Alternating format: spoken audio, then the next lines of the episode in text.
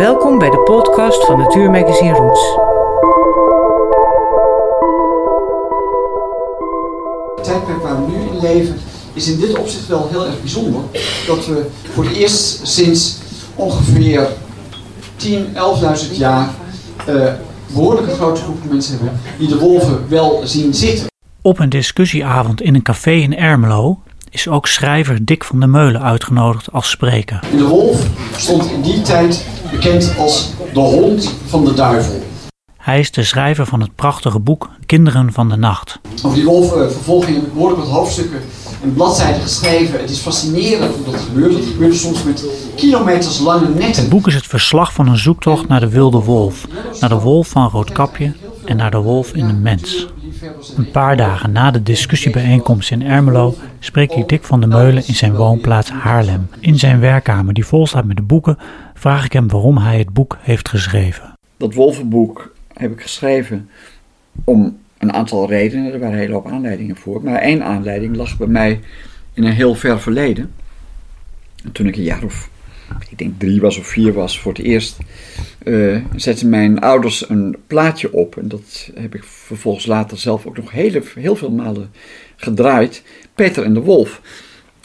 Van uh, Prokofjev. Uh, dat was een geweldig componist is, ook in het algemeen. Maar dat plaatje draaide ik zo vaak dat ik uiteindelijk het dus gewoon helemaal kon mee vertellen. En uh, wat een extra attractie was de verteller. Uh, dat was een zekere Manus Willemsen. Manus Willemsen was een radiojournalist, ooit een bariton, en die had een heel pregnante stem. En die zei dan bijvoorbeeld: Grootvader kwam naar buiten. Hij was heel boos dat Peter de grote groene wei was opgegaan. Dat is een gevaarlijke plaats. Stel je nu eens voor dat er een wolf uit het bos komt. Wat moet je dan beginnen?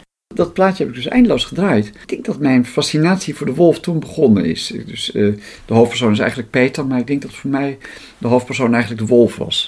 Maar wat fascineerde je dan in, in dat sprookje zo? Was het die stem van die verteller of was het echt... Ik denk als klein kind misschien wel die, die verteller ook wel, maar de, de, de wolf. Kijk, de wolf wordt in dat sprookje voorgesteld als door drie dreigende hoorns.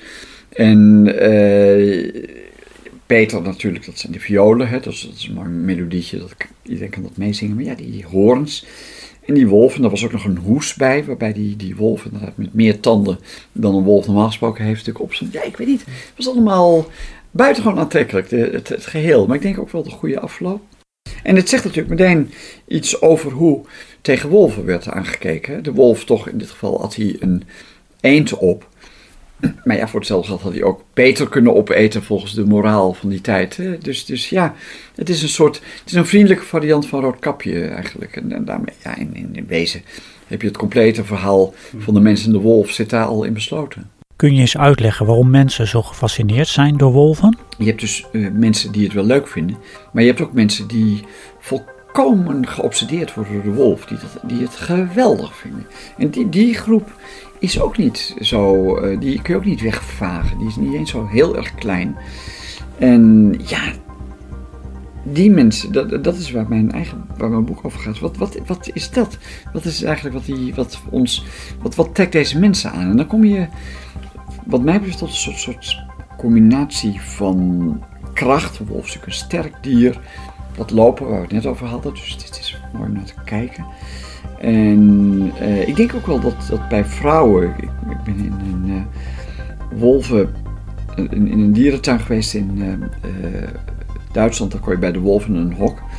En ik vroeg toen aan de vrouw die dat leidde, een soort dompteus of strenge meesteres eigenlijk, die, die, zo zag ze eruit. Die vroeg, wie, wie, wie gaat hier nou naartoe? Wie wil nou in zo'n hok zitten? Want als je in zo'n hok zit, die wolven die komen op je af, gaan planten hun enorme poten, wolven hebben kolossale poten, planten op je knieën en beginnen dan vervolgens je, je gezicht af te likken. Hè?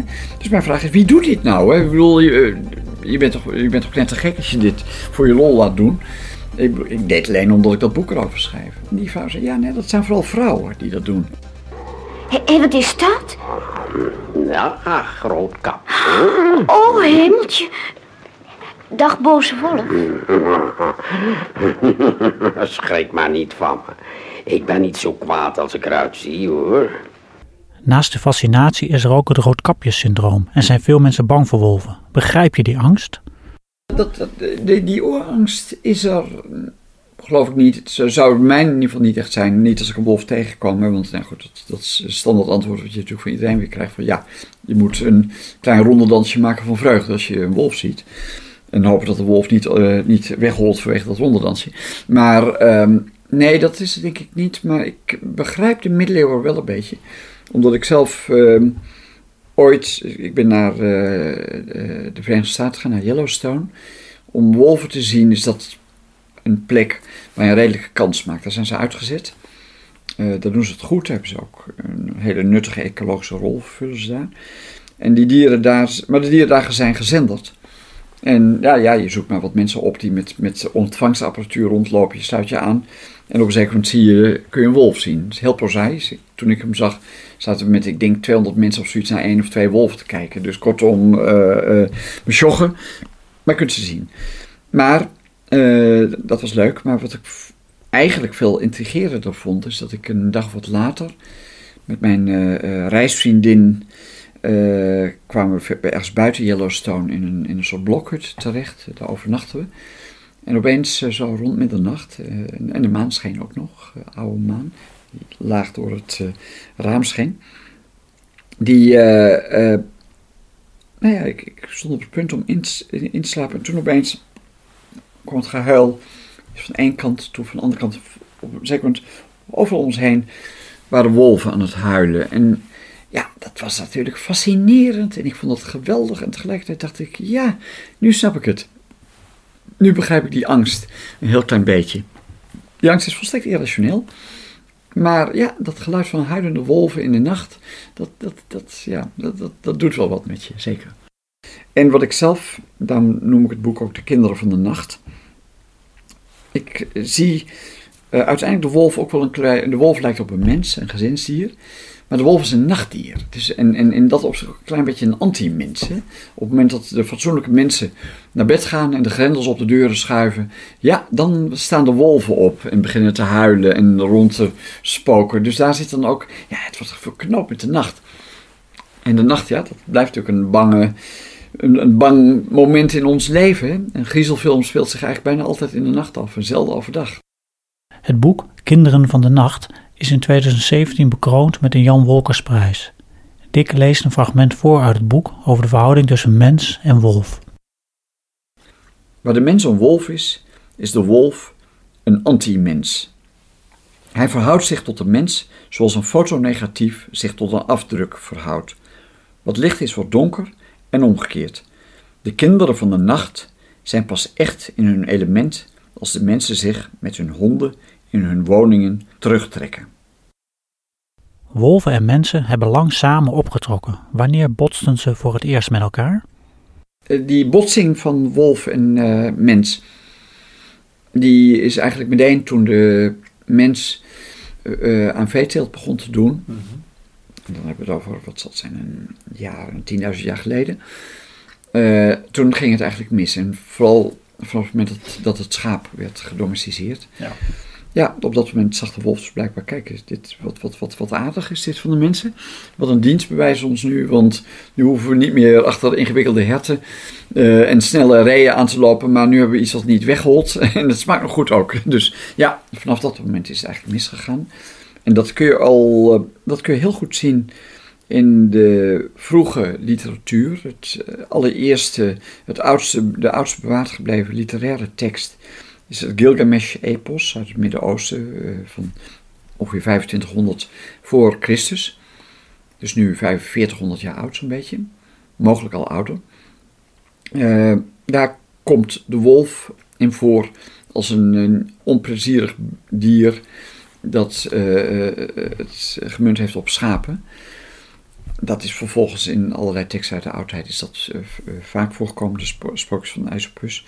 Maar een, hele belangrijke bron uit de oudheid, waar dat ook in uh, uh, gebeurd is, is het Oude Testament. Uh, en later ook het Nieuwe Testament. Dan spreek je natuurlijk al de overgang van oudheid naar, naar, naar mindere oudheid, zullen we zeggen. Ehm, in de Bijbel komt de wolf een keer of tien voor. Altijd boosaardig en altijd in combinatie met schapen. En dat is natuurlijk heel erg bepalend geweest voor het beeld van de wolf in latere eeuwen. Eh, omdat de schapen, dat zijn wij, de mensen. Dan, om maar te zwijgen van het lam, dat is natuurlijk Jezus. En dan heb je daar natuurlijk het, het ja, de, de, de, de wolf staat daar tegenover. En het is niet zo gek dat uh, in de periode dat de Bijbel, nou ja, waarschijnlijk het meest invloedrijk is geweest in de geschiedenis, de middeleeuwen, uh, is de wolf groeit echt uit tot de duivel. Dat is eigenlijk, daar, daar zie je ook, dat is eigenlijk, daar is de bron van alle sprookjes die we later kregen, ook inclusief Roodkapje. Daar, daar komt dus het echte gevaar en ook de griezeligheid. Dat, dat, dat is echt in, in die tijd begonnen.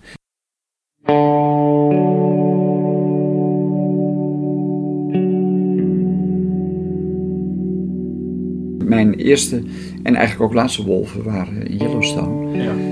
En ja, dat was een voornamelijk tamelijk bezopen waarneming die ik voor mijn boek erg goed kon gebruiken. Ik ging er naartoe.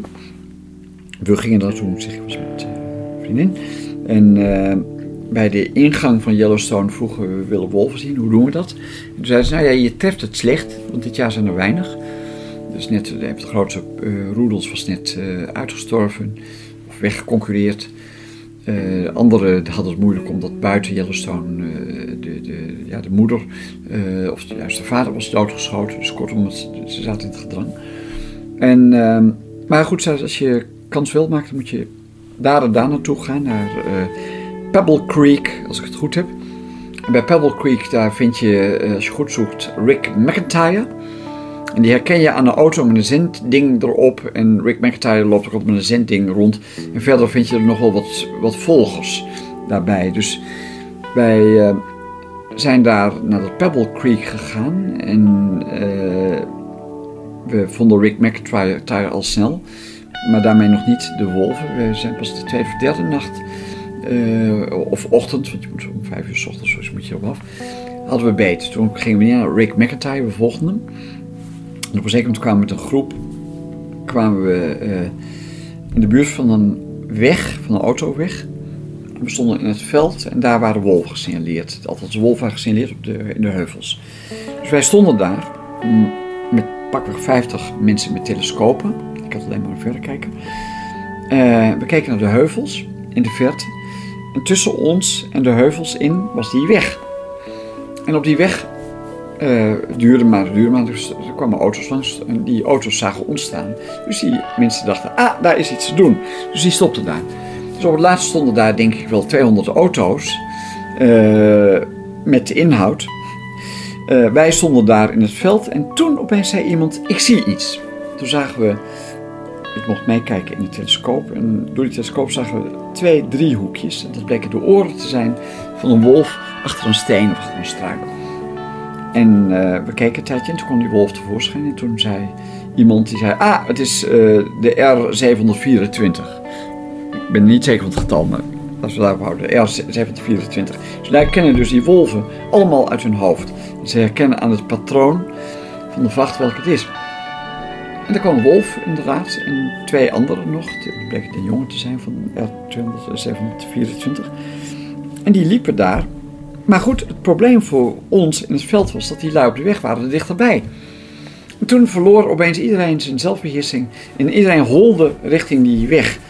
En mijn verbazing is nog steeds, en ook wel een beetje een soort schaamte, dat ik, dat ik meeholde. en niet daar gewoon bleef staan, wat je natuurlijk als coole observator hoort te doen. Maar ik holde mee en ik had nog tranen op mijn wangen. Dus kortom, eh, de, de, de, de stomzinnigheid en de waanzin van die anderen, die sloeg volledig op mij over. Terwijl ik daar naartoe holde. Nou ja, dat, dat is in zekere zin echt goed. Dat kwam ik wel wat dichterbij. Ja, ja. En toen uh, heb ik hem inderdaad goed kunnen bekijken. Ik heb hem zelfs kunnen fotograferen. Het verhaal dat Dick net vertelde staat ook in zijn boek. Hij leest het fragment voor. De wolvin verdwijnt tussen de bomen.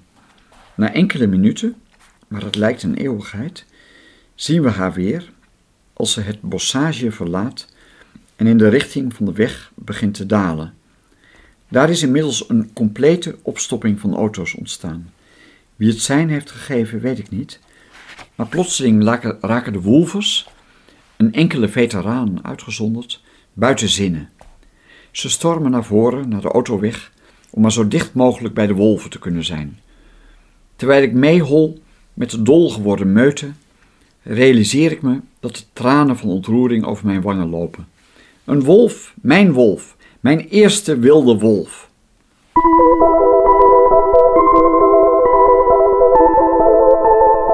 Leuk dat je luistert naar de podcast van Natuurmagazine Roots. Wil je meer weten over natuur in Nederland? Kijk dan ook eens op onze website rootsmagazine.nl. Heb je nog vragen of opmerkingen? Mail ons gerust. Dat kan op info@rootsmagazine.nl.